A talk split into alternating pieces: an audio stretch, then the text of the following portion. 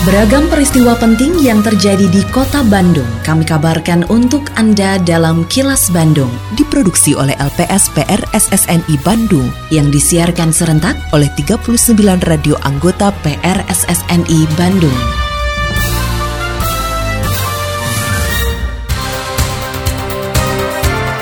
Sejumlah informasi aktual kami hadirkan untuk Anda dan inilah informasi utamanya. PLTS Kota Bandung segera diwujudkan PTM 100% libatkan komite sekolah dan dinas kesehatan. DPU Kota Bandung minta kasus hilangnya bangku trotoar diusut. Saya Ita Ratna, inilah kilas Bandung selengkapnya.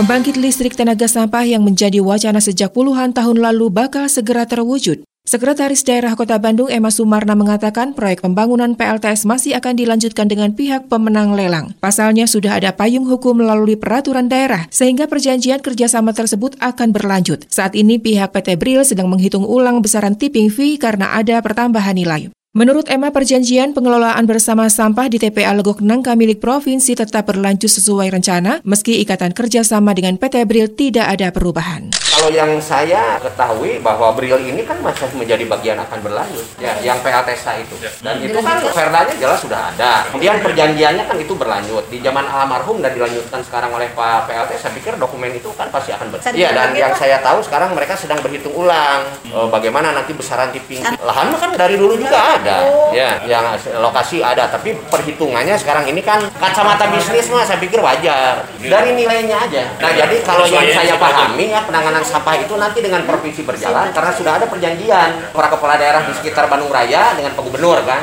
Dan itu Dewan pun kan sudah memberikan persetujuan. Kemudian di satu sisi kita pun tetap menjalankan dengan yang sudah terikat kerjasama dengan Bril kan kita juga harus saling menghargai dan taat patuh terhadap kesepakatan dan keputusan hukum yang sudah ada Pelaksanaan pembelajaran tatap muka atau PTM 100% di Kota Bandung melibatkan komite sekolah sebagai representasi orang tua siswa. Kepala Dinas Pendidikan Kota Bandung Hikmat Ginanjar mengatakan dilibatkannya komite sekolah adalah untuk memastikan anak dalam keadaan sehat sebelum berangkat ke sekolah, termasuk pengawasan penerapan protokol kesehatan seperti memakai masker dengan baik dan benar dan tidak berkerumun. Selain itu, pelaksanaan PTM 100% juga dipantau oleh Dinas Kesehatan untuk mengantisipasi terjadinya kasus penyebaran COVID di sekolah. Dinas Kesehatan akan berkoordinasi dengan puskesmas terdekat dari sekolah untuk melakukan tindakan sesuai prosedur jika terjadi gangguan kesehatan pada siswa dan berkoordinasi dengan Satgas COVID di sekolah. Tapi sekarang nampaknya akan lebih diintensifkan lagi karena para kepala sekolah pun, kepala pimpinan satuan pendidikan sudah aware saya dengan masalah ini. Tinggal barangkali nanti bekerja sama dengan komite sekolah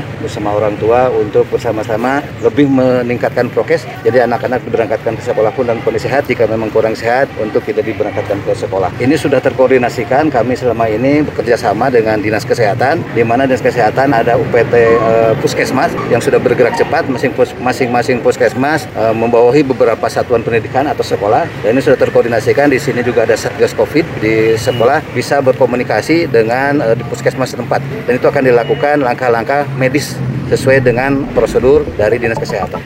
Kepala Dinas Pekerjaan Umum Kota Bandung Didi Ruswandi meminta agar kepolisian mengusut kasus pencurian bangku trotoar di Kota Bandung. Pasalnya, kasus kehilangan fasilitas publik bukan hanya kursi, tapi juga beberapa tiang penerangan jalan umum atau PJU, termasuk patung maung di kawasan Balai Kota Bandung. Didi mengatakan pelaku pencurian kursi diduga sudah merencanakan aksinya karena membawa peralatan lengkap. Oleh karena itu, ia meminta masyarakat yang melihat aksi pencurian untuk mendokumentasikan dan melaporkan pelaku kepada aparat kepolisian, sehingga diharapkan pelaku pencurian mendapatkan efek jerah. Selain itu, Didi berharap pihaknya dapat memperbanyak jumlah CCTV untuk melakukan pengawasan melalui Dinas Komunikasi dan Informatika Kota Bandung. Nah, saya berharap kalau misalnya ada yang mencurigakan, fotolah yang jelas gitu orangnya gitu ya. Jadi nanti disebar, mudah-mudahan itu bisa efek jerah juga bagi bagi para pelaku gitu untuk untuk melakukan mengambil barang-barang publik. Gitu. Sebenarnya belum ya karena kan ATCS baru di simpangnya di ruas itu belum gitu. Jadi mudah-mudahan ke depannya kita bisa memperbanyak CCTV.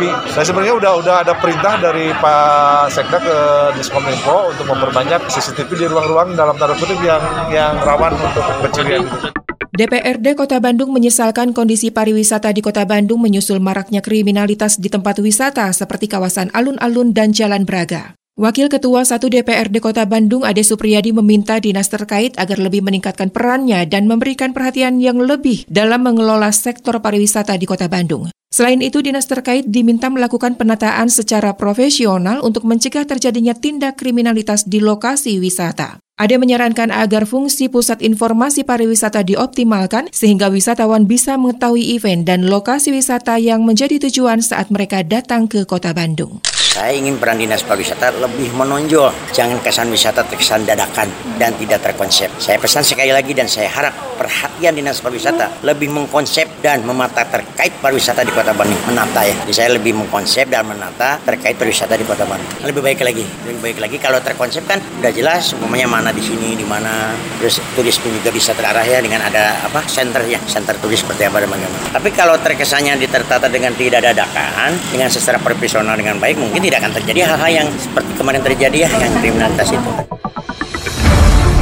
Kini, audio podcast siaran Kilas Bandung dan berbagai informasi menarik lainnya bisa Anda akses di laman kilasbandungnews.com. Perolehan sumbangan dana dalam program Bulan Dana PMI tahun 2021 dari kalangan masyarakat di Kota Bandung meningkat. Wakil Sekretaris PMI Kota Bandung Ijang Faizal mengatakan, sejak diluncurkan pada 1 Juli sampai 31 Desember 2021, donasi yang diperoleh dari program Bulan Dana PMI Kota Bandung mencapai lebih dari 1 miliar rupiah. Dari jumlah tersebut, 273 juta rupiah donasi di antaranya berasal dari partisipasi warga Bandung. Menurutnya jika dibandingkan dengan sektor lain, perolehan donasi yang dikoordinasikan oleh RT dan RW menjadi penyumbang paling tinggi, namun pendapatan dari OPD justru mengalami penurunan. Kalau lihat dari penghasilan dari OPD ya menurun, tapi kita melihat ada perkembangan baik karena kita ada partisipasi masyarakat tinggi. Di pandemi ini saya melihat ada aware masyarakat ya terkait dengan kemanusiaan ini sehingga kalau dibandingkan komparasi antara 2019 dengan 2022 hari ini, 2021 hari ini, ya partisipasi masyarakat lebih tinggi. OPD. OPD kan turun karena alasannya ini kan semuanya. Bulan dana ini ya semuanya untuk kegiatan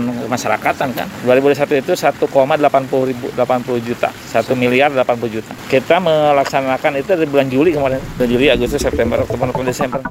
Sebuah video yang viral di media sosial memperlihatkan aksi kawanan begal yang melancarkan aksinya di kawasan Jalan Sukasenang, Kecamatan Cibenying Kidul, Kota Bandung. Dalam video tersebut terlihat dua orang pelaku begal memepet seorang remaja yang mengendarai sepeda motor seorang diri. Menurut kakak korban yang bernama Erlangga berdasarkan rekaman kamera pengawas, adiknya sudah dibuntuti oleh kedua pelaku dan ketika melintas di jalanan yang cukup sepi, pelaku langsung melancarkan aksinya tersebut. Pelaku sudah membuntuti dari belakang. Saya lihat di CCTV gitu. Nah, sudah dibuntuti dari belokan. Di situ adik saya dipepet sama pelaku. Pelaku dua orang membawa senjata tajam yang di belakangnya senjata tajam ini sudah dikeluarkan. Gitu.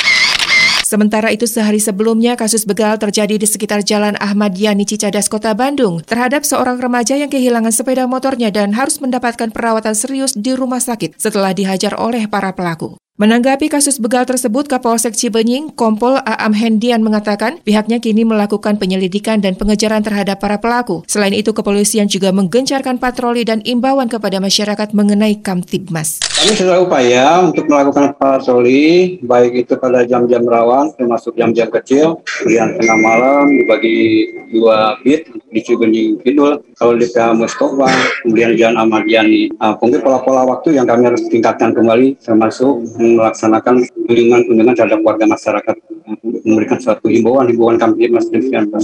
Nah ini masih didalami sesuai dengan pendidikan hasil CCTV itu pelaku masih dua orang yang di Jalan Kesenang.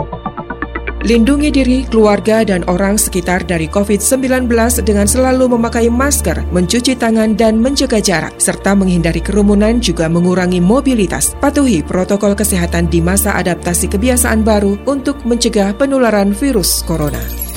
Terima kasih Anda telah menyimak kilas Bandung yang diproduksi oleh LPSPR SSNI Bandung.